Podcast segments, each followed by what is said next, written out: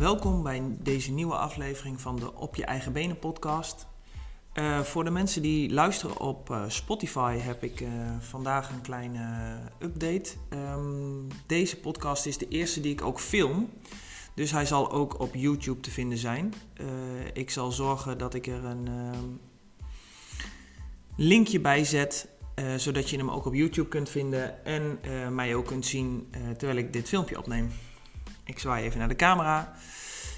Um, deze podcast vandaag die gaat over ja, alles wat ze je niet leren bij, uh, bij persoonlijke ontwikkeling. En uh, ja, wat toch wel vrij essentieel is als je daarmee aan de, aan de slag gaat. Het was een aantal weken geleden. We zouden naar Disneyland gaan op vakantie met de kinderen. Dus we waren druk bezig met de voorbereidingen voor ehm, een weekje genieten met, met het gezin. Ik was net een tijdje gestart als ondernemer en dus een tijdje gestopt als werknemer. En ik wist dat dit heel veel in mijn persoonlijke ontwikkeling zou doen. Ik was al een aantal jaar bezig met persoonlijke ontwikkeling. En ik merkte elke keer dat ik tegen een ja, glazen plafond aanliep. En dat glazen plafond, dat was uh, makkelijk om daaronder te blijven omdat ik uh, niks hoefde. Ik zat in een veilige omgeving en binnen die veilige omgeving kon ik uh, ja, mezelf eigenlijk elke keer verschuilen. Uh, toen ik in januari 2022 de keuze voor mezelf had gemaakt om te starten met ondernemerschap, wist ik dat er dingen zouden gaan gebeuren die niet zouden gebeuren als ik in loondienst zou blijven. En een van die dingen was dat ik mezelf zou gaan leren kennen op een manier die ik nog niet eerder had gezien of niet eerder had gekend. En dat kwam dan omdat je, ja, als je dingen doet zoals je ze altijd deed, dan uh, ja, blijf je krijgen wat je altijd kreeg. Dus zo gezegd, zo gedaan. En toen kwam er een punt, voordat wij dus op vakantie gingen, uh, dat ik het even niet meer zo zag zitten dat ik het even niet meer wist. En uh, dat wat er vervolgens gebeurde, dat zal ik je straks even vertellen. Maar het zorgde er in ieder geval voor dat ik uh, drie weken later uh, in het ziekenhuis terecht kwam. En eh, dat ik daar vreselijk van baalde. En eigenlijk was dat al op het moment dat, ehm, dat het gebeurde, omdat ik vreselijke oordelen had over mezelf. En die oordelen over mezelf, die ken ik al vanaf dat ik ja, jong ben. En het zijn niet hele leuke oordelen. Dat zijn niet hele fijne dingen om te horen, maar ze gebeuren wel. En uiteindelijk leidt het ertoe dat ik vanuit mijn onmacht en mijn onbegrip mijn hand zo hard tegen een muur aansla dat ik daar een middenhandsbeentje mee breek. Nu ik er een aantal weken verder mee ben, kan ik er wel om lachen. Maar ik vind het eigenlijk te triest voor woorden. Um, maar het is onmacht. En die onmacht die ik heb ervaren op dat moment. En het feit dat ik daar mijn hand brak. Waarvan ik overigens direct zei: Ik denk dat het wel meevalt. Maar goed, we gingen naar Disneyland, we gingen op vakantie. Dus ik had ook niet. Uh, nou ja, een soort van eerder heen gekund. Had wel gekund, maar ik, ik vond dat ik toen nog wel uh, genoeg reden had om niet heen te gaan. Maar het heeft wel het een en ander in gang gezet. En, uh, maar dat is niet wat iemand je vertelt als je gaat starten met persoonlijke ontwikkeling. Want ja, starten met persoonlijke ontwikkeling is gewoon uh, ja, joh, een beetje jezelf leren kennen. En ja, je kunt gewoon andere keuzes maken. En als je andere keuzes maakt, dan krijg je andere resultaten. En daar, daar is niks moeilijks aan. En het is ook niet moeilijk. Maar dat neemt niet weg dat iedereen zichzelf ergens in dat proces gaat tegenkomen. En in, in dat proces van jezelf tegenkomen heb ik geleerd dat ja, zo'n actie als, als je hand tegen de muur aanslaan of nou ja, wat, wat mensen dan ook doen, ehm, dat dat er wel voor zorgt dat je met je neus op de feiten gedrukt wordt. En dat het leven jou even tot stilstand zet en even laat nadenken over waarom je doet wat je doet. En het was pijnlijk. in de letterlijke en in de figuurlijke zin. Uh, dat ik deze les kreeg. Het heeft ook een, uh, een, uh, een knop omgezet in mijn hoofd.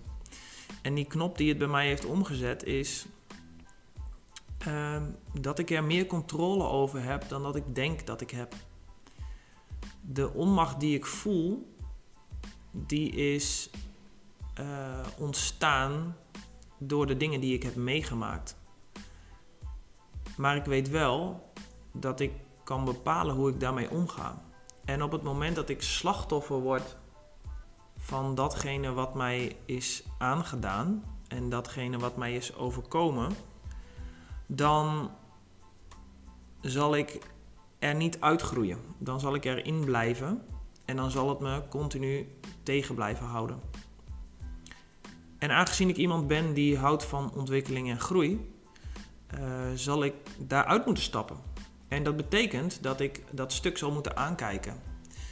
En dat betekent ook dat ik uh, daarvan mag zeggen, uh, dat is een onderdeel van wie ik ben. En ik zal het niet vergeten en ik zal het niet kwijtraken, want het is een, het is een onderdeel van wie ik ben. Maar het zorgt er ook voor dat ik wel de mogelijkheid heb om er anders tegenaan te kijken. En perspectief is een woord wat me steeds vaker intrigeert. En dat doet het omdat je alle situaties die je meemaakt op verschillende manieren kunt bekijken. Vanuit verschillende invalshoeken. En als je iets op een andere manier bekijkt, uh, dan kan de situatie veranderen. Als ik slachtoffer ben van mijn situatie, ja, dan zal ik uh, mijzelf op een bepaalde manier gedragen en dan zal ik daar bepaalde gedachten bij hebben uh, die me niet verder helpen. Als ik eigenaar word van de situatie en zeg: hé, hey, het is wat het is en ik kan daarvan leren, dan verandert alles. En deze mindshift heeft uh, mijn bezoekje aan het ziekenhuis uh, uiteindelijk wel veroorzaakt. He, want ik kwam aan in het ziekenhuis en er werden röntgenfoto's gemaakt. En de vrouw die de foto's maakte, die zei tegen haar collega... Ja, ja, nou ja, je mag zo wel door. Dus ik kon door naar de spoedeisende hulp. En bij de spoedeisende hulp hadden ze naar de foto's gekeken. En toen zeiden ze: Ja, meneer, u bent al een aantal weken verder. Eigenlijk wordt er gezegd bij dit soort situaties, uh, omdat een, een handbotje snel geneest. Uh, dat je ja, binnen twee weken daar eigenlijk iets aan kunt doen. Maar ja, we zien eigenlijk dat het bij u al wel weer vast is gegroeid. En ja, op zich is dat niet een heel groot probleem. Dus um, ja, u krijgt er nu, uh, um, uh, u kunt er iets van een spalkje om krijgen of uh, wat drukverband om de zwelling wat verder weg te halen. Maar op zich is het bot nou ja, al wel weer aan het genezen. En ja, als we er iets aan zouden moeten doen, dan zouden we hem opnieuw moeten breken middels een operatie. Nou, dat vond ik niet heel erg nodig. En eigenlijk is het nu een, een litteken. en een litteken die ik ja, met enige trots en tegelijkertijd ook wel schuld en schaamte mag dragen, omdat het me herinnert aan datgene wat belangrijk is. Want dit is een belangrijk moment in mijn leven, omdat ik daar heb geleerd om een ander perspectief te krijgen van de situatie zoals ik hem, eh, zoals ik hem heb en zoals ik hem ken. En waarom vertel ik dit verhaal nou? Ja, ik wil dit verhaal graag vertellen omdat ik met zoveel mensen heb gewerkt. En uh, in de toekomst ook nog met zoveel mensen ga werken die uh, allemaal patronen hebben. Allemaal bepaalde gedachten over zichzelf. En allemaal ja, zichzelf kleineren en vertellen wat ze allemaal niet goed doen. En dat kan leiden tot hele onmachtige situaties waarin je gedrag laat zien waarvan je ja, kunt bedenken dat dat absoluut niet kan en niet mag en dat je het vreselijk afkeurt. Maar we kunnen het allemaal. En ik hoop dat mijn verhaal je misschien eens doet laten stilstaan bij hoe jij dat doet. en welke keuzes jij maakt. En dat het niet erg is om een oordeel te hebben over jezelf, maar dat je jezelf wel de vraag moet stellen: wat doe ik daarmee en wat wil ik daarmee? Uh, want ja, je hand kapot slaan, dat, uh, ja, dat is een, uh, ook een manier. maar, maar misschien, misschien kun jij hem ja, op een andere manier doen. En misschien kun jij wel ervoor zorgen dat jouw persoonlijke ontwikkeling op een andere manier wordt vormgegeven.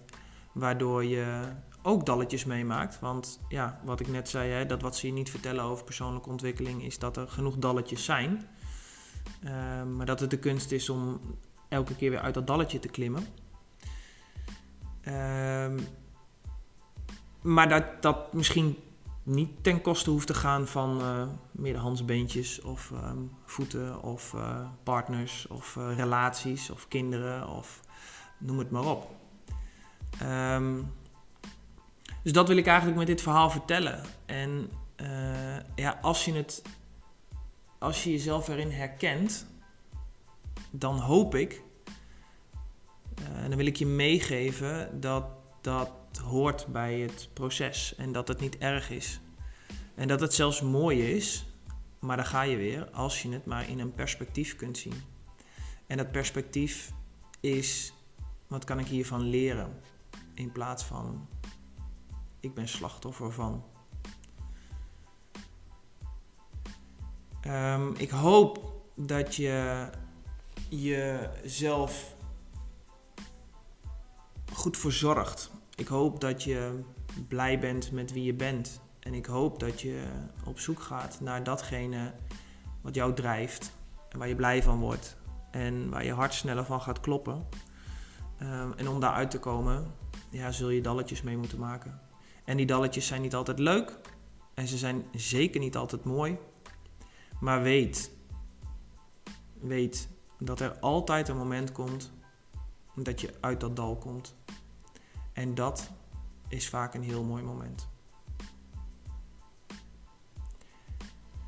Ik wil jullie bedanken voor het luisteren naar deze podcast. Als je hem op YouTube kijkt, zou ik het heel tof vinden als je er een, eh, een reactie onder zou willen achterlaten wat je van deze video vindt. Als je hem op Spotify vindt, ehm, ben ik ook benieuwd wat je van mijn andere afleveringen vindt. Uh, voor de mensen op YouTube, hij is ook via Spotify te vinden. Uh, op eigen benen heet de podcast. En um, ja, ik zou het heel erg tof vinden als je een, eh, een review zou willen achterlaten op Spotify. Uh, zodat je daarmee ook andere mensen kunt inspireren om naar deze, naar deze podcast te luisteren. Um, voor de luisteraars tot de volgende keer en voor de kijkers, ik zie jullie snel weer. Dankjewel.